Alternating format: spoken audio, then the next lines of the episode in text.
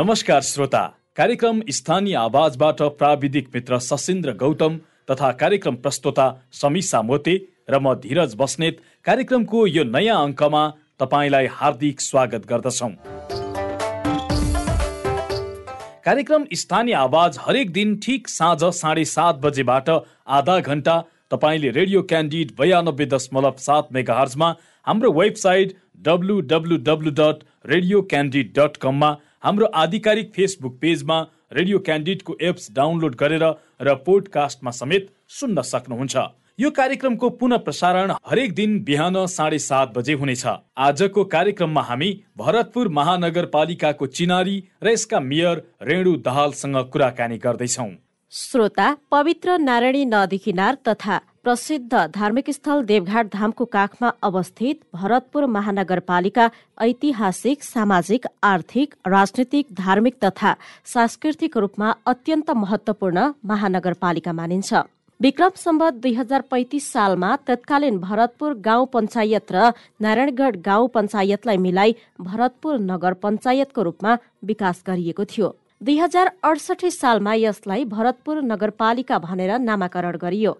दुई हजार एकहत्तर मङ्सिर सोह्र गतेको निर्णयले यस भरतपुर नगरपालिकालाई आसपासका पाँच गाविस मङ्गलपुर फुलबारी सीतानगर शिवनगर र पटिहानी समावेश गरी भरतपुर उपमहानगरपालिकामा स्तरोन्नति गरिएको थियो। यसै गरी नेपाल सरकार मन्त्री परिषदको दुई हजार एकहत्तर मङ्सिर सोह्र गतेको निर्णयले यस भरतपुर नगरपालिकालाई आसपासका पाँच गाविस मङ्गलपुर फुलबारी गीतानगर शिवनगर र पटिहानी समावेश गरी भरतपुर उपमहानगरपालिकामा स्तरोन्नति गरिएको थियो। यसै गरी नेपाल सरकार मन्त्री परिषदको दुई हजार त्रिहत्तर फागुन सत्ताइस गतिको निर्णयले यस भरतपुर उपमहानगरपालिकामा नारायणी नगरपालिका चित्रवन नगरपालिका र कविलास गाविस समेत थप गरी भरतपुर महानगरपालिकामा स्तरोन्नति गरिएको छ। यसलाई नेपालको सबैभन्दा तीव्र गतिको विकास भइरहेको सहरहरूमध्ये एक मानिन्छ। नारायणी नदीको तटमा अवस्थित रहेको यो सहर चितवन लगायत केन्द्रीय नेपालको व्यापारिक केन्द्र हो।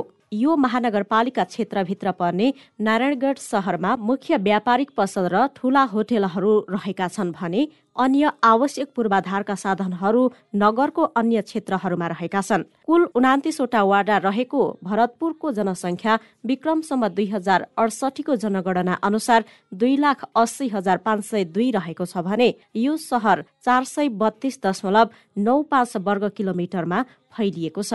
यहाँको साक्षरता दर अन्ठानब्बे दशमलव पाँच चार प्रतिशत रहेको छ जसमध्ये महिलाको साक्षरता दर सन्तानब्बे दशमलव आठ चार प्रतिशत छ भने पुरुषको साक्षरता दर उनासय दशमलव एक चार प्रतिशत रहेको छ। भरतपुर महानगर समुद्री सतहबाट एक सय चालिस मिटरदेखि तीन सय नब्बे मिटर उचाइसम्म फैलिएको छ। यसको पूर्वमा रत्ननगर नगरपालिका कालिका नगरपालिका इच्छा कामना गाउँपालिका रहेका छन् भने पश्चिमतर्फ विश्व सम्पदा क्षेत्रमा सूचीकृत चितवन राष्ट्रिय निकुञ्ज र नवलपुर जिल्ला उत्तरतर्फ तनहु जिल्ला र इच्छा कामना गाउँपालिका तथा दक्षिणतर्फ चितवन राष्ट्रिय निकुञ्ज नै पर्दछ। आजको कार्यक्रममा यसै महानगरका विषयमा कुराकानी गर्न हामीसँग मेयर रेणु दाहाल जोडिनु भएको छ। हामीले मेयर दाहाललाई तपाईँले नेतृत्व सम्हालेपछि भरतपुर महानगरमा के परिवर्तन आयो भनेर सोधेका छौँ। खास गरेर भरतपुर महानगरपालिका यो संघीयता पछिको पहिलो एउटा स्थापना काल एउटा को जनप्रतिनिधि हुनुको नाताले भरतपुर महानगरपालिकामा हिजो चुनावी अभियानका दौरानमा जनताको बिचमा जे खालका हाम्रा प्रतिबद्धताहरू हामीले व्यक्त गरेका थियौँ र हाम्रा घोषणापत्रहरू थिए। त्यो अनुसार अहिले यो साढे चार वर्षको अवधिमा समग्र यसको मूल्याङ्कन गर्दाखेरि हामीले घोषणापत्र र जनताको बिचमा गरेका वार्ताहरू प्रतिबद्धता अनुरूप महानगरपालिका हामीले सोचेको भन्दा पनि अझ राम्ररी काम भएको छ भन्ने मैले अनुभूति गरेको छु कि समग्र भरतपुर महानगरपालिकाको विकास यहाँको पूर्वाधारको विकास यहाँको शिक्षाको विकास यहाँको स्वास्थ्यको विकास अब कृषि पर्यटन लगायत सबै क्षेत्रको एउटा समानुपातिक सन्तुलित ढङ्गबाट जुन खालको एउटा विकासको एउटा दिगो विकासको लक्ष्य एका साथ हामी अगाडि बढेका छौँ। हामी एकदमै सन्तुष्ट छौँ। महानगरवासी जनसमुदायहरू पनि धेरै नै छन् अब केही केही त अब जहाँ पनि हुन्छ विरोधको लागि विरोध गर्ने जति काम भए पनि कामलाई नदेख्ने अब त्यो खालको मान्छे होइन अरूले त परेको कुरा स्वयं तपाईँकै उपमेयरले तपाईँको कामप्रति सन्तुष्टि जनाइरहेको स्थिति छैन। उहाँ आफैले सार्वजनिक रूपमै मेयर साहब एकलौटी गरेर हिँड्नुहुन्छ भनेर आरोप लागेको स्थिति त भयो नि त। छैन त्यस्तो छैन। छैन त्यस्तो छैन। अब कुनै अब कालखण्डमा कुनै अब एउटा परिवेशमा त्यस्तो भयो होला। सुरुवाती चरणमा त्यो खालको स्थिति थियो होला होइन? अलिकति केही विषयमा हाम्रा मनमुटावहरू छलफल र बहसका विषय थियो होला। तर अहिले पछिल्लो यहाँसम्म आइपुग्दाखेरि हामी एकदमै सहकार्य गरेर होइन? अब चाहिँ महानगरपालिकालाई एउटा समृद्ध बनाउनका लागि महानगरवासीलाई एकदमै अब भनौँ सुशासनको प्रस्तुति दिने गरी सकेको आफ्नो ठाउँबाट आफ्नो क्षमताले भ्याएसम्म हामी खटेका छौँ लागेका छौँ र प्रयत्न पनि गरिराखेका छौँ। त्यसकारण हामी त्यहाँ भएन भएन सकिएन भन्ने अवस्था चाहिँ छैन भरतपुरको हदमा भन्नुपर्दाखेरि। अलिकति सडकको विषयबाट मैले थप कुरा अगाडि बढाउन चाहेँ। सडकका विषयमा जसरी तपाईँसँग जुन खालको अपेक्षा राखिएको थियो भित्री सडक र कतिपय मूल सडकमा पनि देखिएका खाल्डा खुल्डीहरूको स्थिति त्यसमा तपाईँले जुन खालको तदारुकता देखाइदिनु पर्थ्यो वा महानगरले जुन तरिकाले काम गर्नु पर्थ्यो त्यो गरेन भन्ने गुनासो छ नि त त्यो पनि म होइन त्यो कुरालाई पनि म मान्दिनँ। किन भन्नुहुन्छ भनेदेखि यो चार वर्षको दौरानमा हामी भरतपुर महानगरपालिका जनप्रतिनिधि हिसाबले हामी आइसके पछाडि छ सय दस किलोमिटर अब हामीले पिच गरिसकेका छौँ। सय दस किलोमिटर बाटो हामीले पिच गरिसकेका छौँ। महानगरपालिकाको रिङ रोडको योजना लगभग अब अठासी किलोमिटर रिङ रोडको योजना महानगरीय रिङ रोडको योजना आदि हामीले चाहिँ अब निर्माण यो पाँच वर्षको अवधिमा आदि रिङ रोडको योजनालाई हामी सम्पन्न गर्दैछौँ। लगभग अब चौवालिस किलोमिटर रिङ रोडको योजना हामी सम्पन्न गर्दैछौँ। महानगरपालिका प्रदेश र सरकार तिन सबै सरकारको समन्वय र सहयोगबाट योजना अगाडि बढेको छ। मुख्य राजमार्ग जो छ पुर्सुकदेखि गुन्द्राङ सडकलाई एउटा सौन्दर्यकरण सहितको एउटा चाहिँ खराक राम्रो आकर्षक निर्माणको लागि महानगरपालिकाको प्रयत्नमा पहलमा अगाडि बढेको छ। सङ्घीय सरकारको अब सहयोग सहयोग बजेटबाट त्यो काम अगाडि बढेको छ। बाइपास सडक विस्तार स्तर उन्नतिको काम अगाडि बढेको छ तपाईँको भरतपुर तनौली मेघोली सडकको योजना अगाडि बढेको छ थुप्रै लगभग सत्रवटा भन्दा बढी लिङ्क सडकहरूका योजनाहरू अगाडि बढेका छन् सहरी विकास मन्त्रालय भौतिक मन्त्रालयबाट पनि अब ती खालका अब मुख्य मुख्य राजमार्ग सहायक राजमार्ग अब रिङ रोडदेखि लिएर लिङ्क सडकहरूका योजनाहरू पनि एकसाथ अगाडि बढेका छन् स्वयं महानगरपालिकाले आफ्नो आन्तरिक आय बजेटबाट पनि हामीले लगभग छ सय दस किलोमिटर बाटो यो चार वर्षको दौरानमा सम्पन्न गरेका छौँ। त्यसर्थ हिजोको अवस्था के थियो? चार वर्ष अगाडिको अवस्था के थियो? गाउँतिर एउटा पनि बाटो पिच नभएका वडाहरू थिए। सय मिटर बाटो पनि पिच नभएका वडाहरू थिए। गाउँमा सबै सडकहरू धुलामै हिँड्ने सडकहरू थिए। ठुल्ठुला खाल्टाहरूको चाहिँ परेर आवागमनमा कति अब चाहिँ चुनौतीहरू थियो। तर यो चार वर्षको दौरानमा जो बिसौँ वर्ष तिसौँ वर्ष हुन नसकेका कामहरू अब यो जङ्गल फाँडेर जङ्गल खरानी गरेर बस्ती बसेका ठाउँहरूमा पनि एउटा त्यहाँ सामान्य ग्राभेल पनि नभएका सडकहरूमा अहिले एकैचोटि पिच सडकहरू हुँदाखेरि जनता दङ्ग छन्। हिजो सडक पिच हेर्नको लागि बजार भरतपुर बजार क्षेत्र आउनु पर्थ्यो। भरतपुर बजार क्षेत्रका सडकहरू पनि खाल्टाखुल्टी परेका जीर्ण भत्का सडकहरू थिए। अहिले महानगरपालिकालाई एउटा खाल्टाखुल्टी रहित महानगरपालिका बनाउने हाम्रो नीति छ र बजेट हामीले त्यसरी गरेका छौँ र निर्माणका कामहरू पनि अगाडि बढेका छन्। र अब हो अलिकति निर्माण व्यवसायको ढिला सुस्ती लापरवाही। जति देखिनु पर्थ्यो कामहरू देखिन पाएका छैनन्। एक वर्षमा सक्ने काम तिन वर्ष लगाएको छ। तिन वर्ष लाग्दाखेरि पनि सकिएका छैनन् सम्पन्न हुन सकेका छैनन्। निर्माण व्यवसायको यो कामप्रतिको उदासीनता व्यथिति र ढिला सुस्तीको कारणले गर्दाखेरि केही समस्याहरू भएका छन्। तर हामीले बजेटको सुनिश्चित गर्ने कुरा प्रक्रियामा लगेर एउटा चाहिँ त्यसलाई अगाडि बढाउने कुरामा महानगरपालिकाको तर्फबाट आफ्नो आन्तरिक बजेटले पनि अब सबै अहिलेको जनताको चाहना पुरा गर्न सक्ने अवस्था नहुँदाखेरि हामीले तहगत सरकार प्रदेश सरकार सङ्घीय सरकारसँग पनि समन्वय गरेर पहल गरेर यी खालका ठुला ठुला पूर्वाधारका योजनाहरू बाटाघाटा मात्रै होइनन्। म यहाँलाई भन्छु अरू पूर्वाधारको क्षेत्रमा पनि जस्तो दुई हजार सिट क्षमताको सिटिएलको योजना अगाडि बढिराखेको छ। होइन अब चाहिँ विद्यालयहरू शिक्षाको क्षेत्रमा पनि त्यसरी नै हामीले एउटा गुणात्मक वर्ग मारेका छौँ। यो तिन वर्षमा शिक्षामा भरतपुर महानगरपालिकाका जति पनि सामुदायिक विद्यालयहरू छन् त्यसमा विद्यार्थी सङ्ख्या हिजोको भन्दा अहिले सरकारी विद्यालयहरूमा आकर्षण बढेको छ। तिन वर्षमा छ हजार विद्यार्थीहरू बोर्डिङ स्कुल छोडेर सरकारी विद्यालयमा भर्ना हुनुभएको छ। विद्यालयको भौतिक आधार विद्यालयको शैक्षिक गुणस्तर यति धेरै अब त्यसमा चाहिँ हामीले सुधार ल्याएका छौँ त्यसले आकर्षण थपेको छ र सरकारी विद्यालयमा पढ्न आउने सङ्ख्या एकदमै उल्लेखनीय हिसाबले वृद्धि भएको छ। यो पाँच वर्षको कार्यकालभरि हामी महानगरपालिकाभित्रका सामुदायिक विद्यालयहरूमा दस हजार विद्यार्थीहरू सरकारीमा भर्ना हुने लक्ष्य हामीले राखेका छौँ। तपाईँहरूले ठुला त्यस्ता के के योजना सुरु गर्नु भएको थियो र अहिले ती योजनाहरू कहाँ पुगे? तपाईँको महानगरीय चक्रपथको योजनाहरू महानगरीय सिटीहरूको योजना महानगरपालिकाको संस्थाहरूको लाइचोकमा रहेको जमिनमा एउटा चाहिँ निजी क्षेत्रलाई पनि आकर्षित गर्नका लागि एउटा चाहिँ सार्वजनिक साझेदारी मोडेल अनुसार चाहिँ त्यो योजनालाई हामी अगाडि बढाएका छौँ बहुउद्देश्य भवन भनेर चौध पार्किङ सहितको चौध तले दुई तला अन्डरग्राउन्ड पार्किङ सहितको चौध तले भवन मल्टी कम्प्लेक्स बिल्डिङ भनेर महानगरपालिकाले एउटा आफ्नो आइकन प्रोजेक्टको रूपमा अगाडि बढाएको छ। हामीले निजी क्षेत्र पिपिपी मोडेलबाट त्यसलाई अगाडि बढाएका छौँ। नारायणी नदी किनारलाई सिबिज मोडेलबाट भनेर त्यसलाई चाहिँ अब त्यसको सौन्दर्यकरण गर्ने र एउटा बिचको झल्को हुने गरी विकास गर्नुपर्छ र त्यहाँ पर्यटकीय एउटा आकर्षणको गन्तव्य बनाउनुपर्छ भनेर महानगरपालिकाले नीतिमा पनि समावेश गरेर बजेट विनियोजन गरेर काम अगाडि बढाएको छ र सङ्घीय सरकारसँग पनि हामीले आह्वान गर्छौँ र पर्यटन विभागबाट पनि त्यसको ठेक्का भएर अब काम अगाडि बढिराखेको छ। विभिन्न अब नगर स्तरीय पार्कहरू वडा स्तरीय पार्कका योजनाहरू अगाडि बढेका छन् सबै क्षेत्रमा एकदम चौतर्फी सबै क्षेत्रमा एकदम ती चाहिँ योजना मात्रै अघि बढे कि त्यो योजनाहरू कम्प्लिट पनि हुँदैछन्? अब योजना अगाडि बढेपछि त अब कसैले निर्माण व्यवसायहरूको हिँडा सृष्टिको कारणले गर्दाखेरि तोकेको समयमा अब समयमै काम सम्पूर्ण हुन सकेका छैन भनेको भरतपुर महानगरपालिका ठेकदार पीडित भएको छ यतिखेर। एकदम एकदम हो। ठेकदार पीडित भएकै छौँ। मैले अर्को कुरा जोड्न खोजेको खास गरी भरतपुर त अब पर्यटकीय हिसाबले पनि अत्यन्त त्यो चाहिँ धेरैको आकर्षणको एउटा केन्द्र हो। तपाईँहरूले ती पर्यटकीय क्षेत्रहरूलाई अलिकति विस्तार गर्नका लागि त्यहाँ अरू पर्यटकहरू आउने एउटा वातावरण बनाउनका लागि के गरिरहनु भएको छ? भरतपुर महानगरपालिका देशको तेस्रो पर्यटकीय गन्तव्यको रूपमा रहेको छ चितवन जिल्ला। र भरतपुर महानगरपालिका एउटा चाहिँ राष्ट्रिय निकुञ्ज दुईवटा नदी ठुला नदीहरूले घेरिएको होइन राष्ट्रिय निकुञ्ज दर्जनौँ सामुदायिक वनहरू होइन हरियाली सौन्दर्यकरण सबै हिसाबले पनि भरतपुर महानगरपालिका यतिकै पनि एउटा चाहिँ पर्यटकीय आकर्षणको केन्द्रको रूपमा रहेको छ। र महानगरपालिका मैले अघि पनि भनिसकेँ नारायणी नदी किनारलाई हामीले एउटा सी बिच मोडेलबाट विकास गर्न खोजेका छौँ र त्यो योजना अगाडि बढेको छ। नगर स्तरीय पार्कका योजनाहरू अगाडि बढाएका छौँ। जस्तै कि रानी पोखरी पार्क लक्ष्मीनारायण मन्दिर पार्क भनेर अगाडि बढाएका छौँ। रानी पोखरी पार्कको योजना अगाडि बढेको छ। राइनो पार्क भनेर मेघौलीमा चाहिँ राइनो पार्कको योजना अगाडि बढेको छ। अब थुप्रै नगर स्तरीय पार्कहरू पनि लगभग पाँच सातवटा नगर स्तरीय पार्कहरू त्यसपछि वडा स्तरीय पार्कहरूका योजनाहरू पनि अगाडि बढाएका छौँ। र अब सबै हिसाबले हेर्दाखेरि यसै पनि अहिले एउटा सुन्दर छ भरतपुर एउटा प्राकृतिक सौन्दर्य सौन्दर्यताले भरिपूर्ण छ।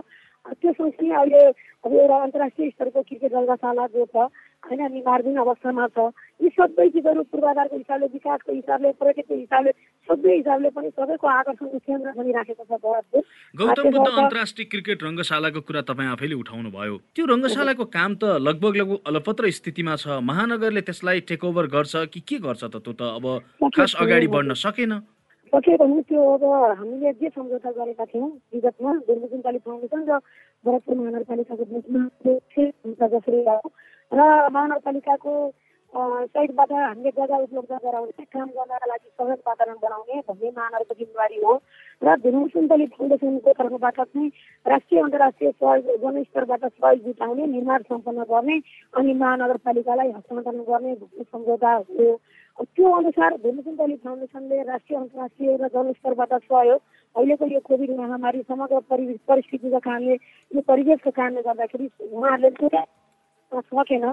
सकेन महानगरको क्षेत्रबाट भन्नुपर्दाखेरि महानगरले त आर्थिक दायित्व महानगरको नहुँदा नहुँदै पनि महानगरले त्यो अब आफ्नो आन्तरिक आयबाट पनि महानगरले लगभग दस करोड बजेट हामीले धुर्मुसुन्तली फाउन्डेसनलाई अब प्रदान गऱ्यौँ र महानगरपालिकाकै सक्रियतामा हामीले धन धनाचल महायज्ञ भनेर सञ्चालन गऱ्यौँ र त्यसमा यहाँका अब चिकनवासी सबै सरबराहवाला सबैको साथ सहयोग तिसौँ हजार चिकनवासीहरूबाट प्रत्यक्ष व्यक्तिगत सबै तिस हजार जनताबाट त्यो महायज्ञमा सहयोग प्रदान भयो। त्यसबाट पनि लगभग बिस करोडको हाराहारीमा हामीले सङ्कलन गरेर हामीले हस्तान्तरण गऱ्यौँ र अरू सहयोगका कुराहरू पनि चितवन जिल्लाबाट सायद खोइ खाली रहेन होला त्यो। सहयोग प्रदान गर्नका लागि यहाँका सङ्घ संस्थाहरू व्यक्ति विशेषहरू। यी ढङ्गले नगरपालिकाका तर्फबाट हामीले सकेको कोसिस गऱ्यौँ र सहयोग पनि गऱ्यौँ। जग्गा उपलब्ध पनि गरायौँ। तर सो जित्न सकेन नगई र सकिसके पछाडि अहिले अल्प अल्पत्र अवस्थामा छ।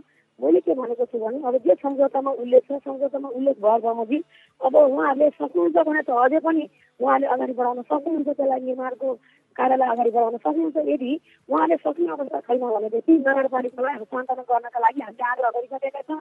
उहाँहरूले पनि एक खालको पत्र महानगरपालिकालाई दिइसक्नु भएको छ।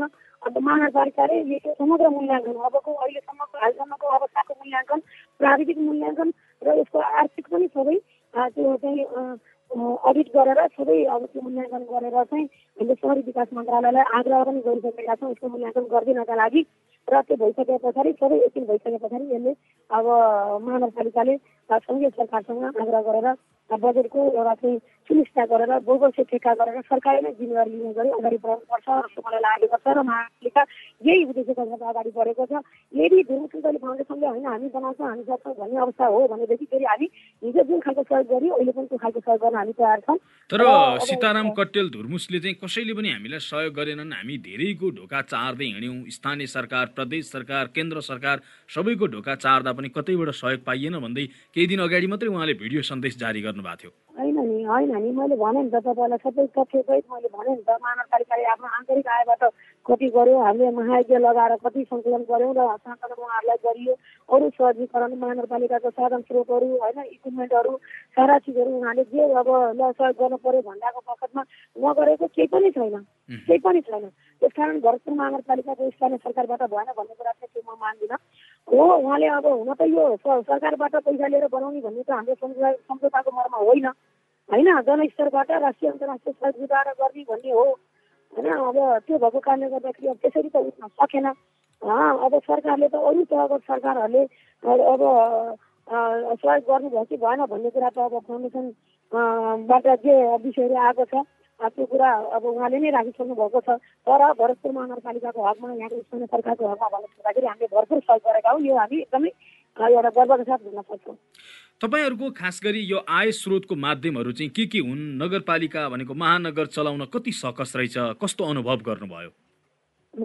आय स्रोत यो अब भरतपुर अब हुन त अब सबै हिसाबले अब देशको केन्द्र भागमा भए तापनि हिजोको दिनमा यहाँको विकास निर्माण यहाँका उद्योग धन्दा कल कारखाना आय आर्जन यो चिजहरू अलिकति त्यति धेरै चाहिँ हाम्रो सोचे अनुरूप नभएको अलिक ओजनमै परेको रहेछ भन्ने मलाई अनुभूति हुन्छ। होइन यहाँ चाहिँ ठुला ठुला उद्योग धन्दा कल कारखानाहरू छैनन् आम्दानीका स्रोतहरू छैनन्।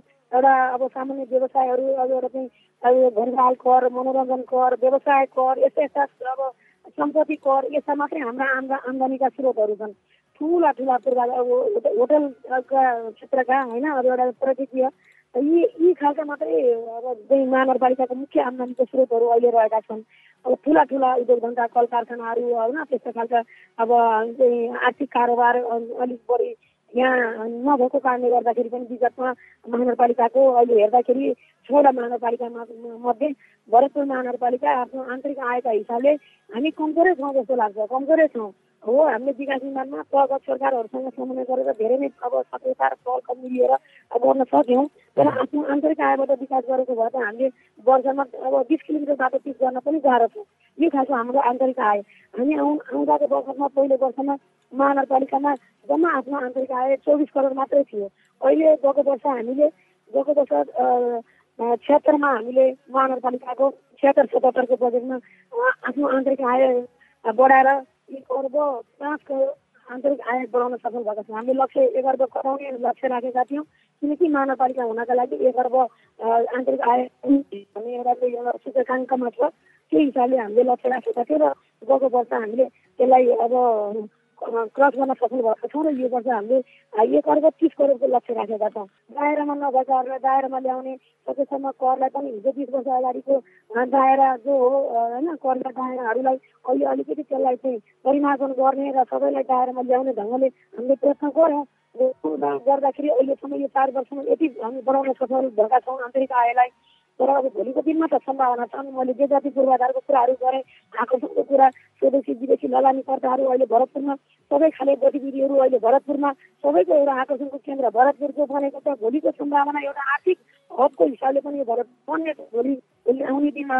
तर अहिले नै भन्नुपर्दाखेरि चाहिँ आन्तरिक हिसाबले आम्दानी हिसाबले स्रोत साधनको हिसाबले हामी कमजोरै छौँ तर बेरुजु उसै गरी बढिराखेको गुनासो पनि त छ। होइन नि बेरुजु होइन उमेरले भन्नुभएको छैन। हजुरले उपमेर भनेर अलिकति गर्नुभयो उपमेरले किनकि यो राजस्व परामर्श समितिको चाहिँ अब उपप्रमुखज्यू हुनुहुन्छ त्यस कारणले गर्दाखेरि उहाँले त्यो भन्न मिल्दैन पनि र उहाँले त्यो भन्नुभएको पनि छैन। छैन। बेरुजुको अवस्था गर्दाखेरि अहिलेको यो महालेखा परीक्षण कार्यालयले देशैभरिका पालिकाहरूको यो चाहिँ भनौँ न यो महालेखा परीक्षण गर्दाखेरि पालिकाहरूको हरिसाबहरू अडिट गर्दाखेरि चाहिँ भरतपुर महानगरपालिका महानगरपालिका मध्ये सबभन्दा कम बेरोजु भएको महानगरपालिका भनेर ठहर गरिसकेको छ। अब दस करोड बेरोजु भनेर छ दस करोड मध्ये पनि छ करोड चाहिँ हाम्रो त्यसकी अब एउटा बजेट परिशोध नभएको कारणले गर्दाखेरि अब त्यो काम सम्पन्न भएपछि अब त्यसको भरपाई गरेर भुक्तानी भएपछि त्यो चाहिँ रुजु हुने खालको मात्रै भएको कारणले गर्दाखेरि त्यो रुजु हुने बजेट छ करोड त रुजु हुने बजेट हो होइन? त्यस कारणले गर्दाखेरि अब एकदमै कम बेरोजु भएको भनेर पनि छ। त्यस कारण हामी गर्व गर्छौँ किनकि भरतपुर महानगरपालिका आर्थिक हिसाबले पनि धेरै निर्मित भई धेरै नै पारदर्शी धेरै नै जिम्मेवारीपूर्ण ढङ्गबाट हामीले अब व्यवस्थापन गरेर अगाडि बढेका छौँ र हामी एकदम इमान्दारीपूर्ण ढङ्गबाट पनि अगाडि बढेका छौँ। तपाईँलाई उपमेयरले चाहिँ कति सहयोग गर्नुभयो तपाईँको यो कार्यकाललाई अलिक सहज बनाउन विकासमुखी बनाउन सुशासनमुखी बनाउन? होइन उपमेयरले सहयोग गर्नुभएको छ। कसो भन्ने कुराहरू छैन। सुरु सुरुमा किनकि यो स्थापना कालका हामी जनप्रतिनिधिहरू अब नीति नियमका कुराहरू ऐन कानुनका कुराहरू अब विभिन्न नियमावलीहरू माथि केन्द्रदेखि सङ्घीयदेखि सङ्घदेखि लिएर प्रदेशबाट पनि समयमा सबै चिजहरू अब हामीलाई त्यो समयमा आइ नसकेकाले कतिपय अ, अन्यलताहरू भएका कारणले गर्दाखेरि कतिपय विषयहरूमा बहसहरू मत मतान्तर हुने कुरा सुरुवाती समयमा भयो होला। तर पछिल्लो समय कुनै पटक कसैको पनि उपमेयर मात्रै होइन कि महानगरपालिकामा अब तिनवटा राजनीतिक दलबाट प्रतिनिधित्व छ। होइन नेपाली काङ्ग्रेस नेकपा एमाले र अब माओवादी केन्द्र र अहिले पछिल्लो विभाजन भएपछि समाजवादीबाट पनि हुनुहुन्छ। चारवटा पार्टीको प्रतिनिधित्व छ अहिले अहिले अहिलेको अवस्थामा। हुँदाखेरि अब कुनै पनि एउटा अध्यक्ष जुनसुकै पार्टीको पनि कसैले पनि भरतपुर महानगरपालिकाको प्रमुखबाट हामीलाई भेदभाव भयो हामीलाई अलिकति होइन व्यवस्था भयो अथवा आफ्नो पार्टीकोलाई मात्र हेरो भन्ने अवस्था छैन। सबैलाई एकदमै सन्तुलित ढङ्गबाट समन्वयका साथ अगाडि बढेका छौँ र सबैजना खुसी हुनुहुन्छ। तर तपाईँले सुरुका दिनमा चाहिँ उपमेयरका अलिकति अधिकारहरू खोज्ने सबै काममा आफै इन्भल्भ हुने गर्नु भएको कारणले अलि बढी तपाईँहरू। दुईजना बिच तिक्तता त बढेको हो नि त है? होइन नि मैले किन उपमेयरको चाहिँ कार्यक्षेत्र मैले खोज्नु? मलाई आफ्नै काम गर्न भ्याइ नभएछ। उपमेयरका अब संविधानले व्यवस्था गरेको होइन? स्थानीय सञ्चालन ऐनले व्यवस्था गरेको जो कार्यक्षेत्र छ उपमेयरको थुप्रै छ। दर्जनौँ समितिका संयोजक हुनुहुन्छ उहाँ होइन। दर्जनौँ समितिका संयोजक हुनुहुन्छ उहाँ न्यायिक समितिको हुनुहुन्छ राजस्व परामर्शको हुनुहुन्छ धेरै हुनुहुन्छ विभिन्न अब बालबालिकाको क्षेत्रमा अपाङ्गको क्षेत्रका हरेक अब उहाँलाई तोकेको छ। उहाँलाई एउटा ऐनले तोकेको जिम्मेवारी अनुसार उहाँले काम गर्ने हो। मेरो जिम्मेवारी अनुसार मैले काम गर्ने हो। त्यसमा कुनै कन्फ्युजनहरू छैन र थिएन पनि र छैन पनि त्यसले गर्दाखेरि मैले आफ्नो काम त मलाई भ्याइ नभएको मैले उपमेयरको कामको हस्तक्षेप मैले किन गरेर होइन त्यस्तो कुनै त्यस्तो अब तपाईँले भन्नुभयो जस्तो बाहिर यो खालको जो तर तपाईँमाथि। अर्को एउटा आरोप लाग्ने गरेको छ। खास गरी तपाईँले अलिकति त्यो महानगरको बजेट वा महानगरमा जुन तपाईँले प्राप्त गर्नुभएको शक्ति चाहिँ र स्वयं तपाईँको बुवालाई चुनाव जिताउनका लागि तपाईँले त्यो शक्ति प्रयोग गर्नुभयो वा त्यसरी त्यहाँको माहौल बनाउन काम गर्नुभयो भन्ने आरोप लागेको छ नि? एकदम छैन त्यो आरोप त्यो आरोपको लागि आरोप हो हेर्नुहोस् है। मैले भने महानगरपालिकाका वडामा सन्तुलित ढङ्गबाट विकासका योजनाहरू बजेटका व्यवस्थाका कुराहरू सबै चिजहरू चिजहरूमा बिना भेदभाव होइन कुनै राजनीतिक रङ बिना। सायद अब म दावाका साथ भन्छु सात सय त्रिपन्न स्थानीय तह मध्ये भरतपुर महानगरपालिकामा यसरी सन्तुलित ढङ्गबाट होइन सबैलाई चाहिँ अब समन्वय गरेर अगाडि बढ्न हामी सकेका छौँ। यसमा मलाई गर्व छ। त्यस कारण त्यो बाहिर भनेको त्यो खालको बेकारको चाहिँ आरोपका लागि आरोप मात्रै हो। होइन त्यस्तो खालको प्रभाव पार्नका लागि। प्रभाव त अब विकास गरेपछि प्रभाव त परिहाल्छ नि। महानगरपालिकामा यति मरिमेटेर यस्ता खालका चुनौतीका बिचबाट पनि होइन राजनीतिक पनि अब यो खालको दिनमा कोरोना महामारीको बिचमा विकासका कामहरू यो चार वर्षमा यति धेरै चुनौतीको बिचबाट पनि अगाडि बढ्दाखेरि होइन? यहाँका जनताले बुझ्नु भएको छ हाम्रो तत्परता हाम्रो मेहनत हाम्रो लगन चिजहरू जनताले बुझ्नु भएको छ र विकास गरेर देखाएका छौँ। हामीले बोलेर होइन कि गरेर देखाएका छौँ। हिजो पनि त निर्वाचनहरू हुन्थे हिजो पनि जनप्रतिनिधिहरू हुन्थे र आश्वासनहरू धेरै हामीले पाउँथ्यौँ तर चाहिँ केही पनि नगर्ने परिपाटी थियो। र अहिले त जे बोलेको छ बोलेको कुरा पुरा गरेको छ भएको छ भन्ने कुरामा सन्तुष्टि छ जनताहरूलाई। अनि हामीतिर आकर्षित हुनुभएको छ जनसमुदायहरू। विश्वास गर्नुभएको छ। उहाँहरूलाई त जनतालाई त के चाहिएको छ? विकास चाहिएको छ। समृद्धि चाहिएको छ। जनताको जीवनस्तर माथि हुने चाहना जनताको छ। त्यसले गर्दाखेरि अब सबैजना जसरी एउटा तन मन धन सबै अब हिसाबले समर्पित गर होइन अब जनताको सेवामा खटिँदाखेरि जनताले विश्वास गरेको छ। त्यसमा मलाई गर्वै छ। त्यसले गर्दाखेरि अब यो यो भयो भनेर कोही आत्तिएर अनावश्यक आरोप प्रत्यारोप गरेर टिका टिप्पणी गरेर चाहिँ काम छैन नि त। काम गरेर जनताको मन जित्नु पऱ्यो जो कि गोरखपुर महानगरपालिकामा मैले गरेको कामबाट जनता आश्वस्त हुनुभयो जनता विश्वस्त हुनुभयो हामीप्रति आकर्षित हुनुभयो भनेर नभएको आरोपका लागि आरोपको विषय मात्रै हो भन्छु म यो विषय। भनेपछि तपाईँ अब अर्को कार्यकाल दोहोरिन चाहनुभयो भने तपाईँलाई सजिलै भरतपुरका जनताले फेरि मतदान गरेर मेयर बनाउनेछन्। म हिजो संविधान सभा सदस्य भएको होइन? र अहिले अब मेरो रूपमा यहाँ म पहिलो कार्यकाल अनि संहिता पछिको पहिलो स्थापना काल भन्छ लस्करमा मेयरको रूपमा रहँदै गर्दाखेरि यो कार्यकाल मेरो पूर्ण सफल बनाउनेतिर मेरो प्रयत्न छ। र अब फेरि दोहोरिनुपर्छ भन्ने मलाई त्यस्तो कुनै चाहना पनि छैन। अब भोलिको परिवेश अब समग्र आवश्यकता के कसरी हुन्छ राजनीति सबै चिजहरू र पार्टीले पनि होइन अब गर्ने निर्णयका आधारमा हुने कुराहरू हो। त्यस र मलाई अहिले जसरी मलाई अब विभिन्न खालका अब यति यसरी चाहिँ सबै हिसाबले हिजो पनि परिवर्तन लागि होइन जनताको अधिकारको लागि सबै हिसाबले अब चाहिँ भनौँ न आफ्नो व्यक्तिगत चाहनाहरूलाई त्यागेर हिँडेको मान्छे परिवर्तन हुनु मान्छे अहिले पनि जनताप्रति समर्पित भएर रात दिन अब खटिराखेको छ कुनै स्वार्थ छैन केही छैन। यही हिसाबले लाग्दै गर्दा र यसरी काम गर्दै गर्दाखेरि फेरि पनि कतिपय अब विरोधका लागि विरोध गर्ने अनावश्यक टिका टिप्पणी गर्ने होइन? अब अब बाबु गोरु जुन एउटा पार्टीले बाबु बोक्यो अर्को पार्टीले छोरी बोक्यो भन्ने खालका छुट्टै खालका टिका टिप्पणीहरू सुन्दाखेरि त अब जनताले यदि आफ्नो मत जाहेर गर्ने हो भनेदेखि होइन हामी कसैको पनि कसैको पनि अब चाहिँ भनौँ न त्यो गठबन्धन भन्दा पनि सिङ्गल हिसाबले चुनावमा प्रत्यक्ष गरेर यदि कामको आधारमा मूल्याङ्कन हुनु हो भने जनताले सही मूल्याङ्कन गर्ने हो भनेदेखि किन पछाडि हट्नु भन्ने कुरा पनि आउँछ कहिलेकाहीँ है? कहिलेकाहीँ त्यस्तो कुराहरू पनि आउँछ। तर अब म के भन्छु भने हामी यो चाहिँ भनौँ न अहिलेका समकालीन पार्टीहरू जो मुख्य पार्टीहरू छौँ चितवन जिल्लाको हकमा भन्नुपर्दाखेरि हामी प्रतिस्पर्धी छौँ। खास गरेर तिन नम्बर निर्वाचन क्षेत्र अध्यक्षको मेरो ठुलोको निर्वाचन क्षेत्र। अब हामीले मूल्याङ्कन गर्दाखेरि विगतको चुनावमा पनि गएको रङ्गित चुनावमा पनि तिनवटा बारी मात्रै नेपाली काङ्ग्रेसको र नेकपा नेकपा माओवादी केन्द्रको समानुपातिक हो। हामी त्यति बेला अब सङ्घीय चुनावमा चाहिँ नेकपा एमालेसँग गठबन्धन गऱ्यौँ तर पार्टीको भोट समानुपातिक भोटमा चाहिँ हामीले त्यसको चाहिँ तथ्याङ्क हेरौँ हामीले। हेर्दाखेरि निर्वाचन क्षेत्र नम्बर तिनको तथ्याङ्क हेर्दाखेरि नेपाली काङ्ग्रेसको छब्बिस हजार पार्टीको भोट समानुपातिक भोट नेकपा एमालेको चौबिस हजार भोट माओवादी केन्द्रको त्यति बेला पनि तेइस हजार भोट छ पार्टीको। अनि त हामी त प्रतिस्पर्धी पार्टी हौँ नि त। हामी कमजोर कसरी छौँ र? होइन? कुनै बेला हामी चौसठीमा चितवन जिल्लाका सबै क्षेत्र हामीले जितेको हो। अब यो त राजनीतिमा त यस्तो खालको उतार चढावहरू हुने गर्छन्। गएकै चुनावमा पनि मैले यो तथ्याङ्क भने त्यस कारण त्यति बेलै हामी प्रतिस्पर्धी छौँ भने अहिले त हामीले गरेको कामबाट जनता आश्वस्त छन् विश्वस्त छन्। अब काममा कामका आधारमा मूल्याङ्कन जनसङ्ख्याहरूबाट हुन्छ भनेपछि हामी त पहिलो छौँ नि भन्ने मेरो कुरा हो। त्यसले गर्दाखेरि अब भोलिको चुनावको कुराहरू अब अहिले यही भन्नु भन्दा पनि भोलि पार्टीले अब गर्ने कुरा पार्टीले निर्णय गर्ने कुराहरू हो। त्यस कारण मेरो आफ्नो व्यक्तिगत कुराहरू यसमा केही पनि छैन हस् यहाँलाई समय र संवादका लागि धेरै धेरै धन्यवाद। हस् धन्यवाद। अब सबै कुरा भरतपुर महानगरपालिकाका विकासदेखि लिएर सबै विषयवस्तुमा सम्पूर्ण अब देशवासी सम्पूर्ण जनसमुदायका बिचमा जस्ताको जस्तै राख्ने एउटा अवसर प्रदान गर्नुभएकोमा धन्यवाद दिन चाहन्छु। भरतपुर महानगरपालिकाकै तर्फबाट धन्यवाद नमस्कार। हस् धन्यवाद। आजको कार्यक्रम स्थानीय आवाजमा हामीले भरतपुर महानगरपालिकाको चिनारी र यसका मेयर रेणु दाहालसँग कुराकानी गर्यौं। कार्यक्रम सुनेपछि तपाईँलाई कुनै सुझाव दिन मन लागेको छ अथवा कुनै स्थानीय तहका प्रतिनिधिसँग कुराकानी गरिदिए हुन्थ्यो भन्ने चाहनुहुन्छ भने हामीलाई हाम्रो फेसबुक पेजमा म्यासेज गर्नुहोस् अथवा कार्यक्रमको इमेल ठेगाना radio candid ninety two point seven eight gmail dot कममा मेल गर्नुहोस्। उपयुक्त सुझावलाई हामी पक्कै ग्रहण गर्नेछौँ। कार्यक्रम सुनिदिनुभयो तपाईँलाई धन्यवाद। हवस् त भोलि फेरि भेटौँला। सशिन्द्र गौतम समिसा मोते र धीरज बस्नेत विदा भयौँ। नमस्कार।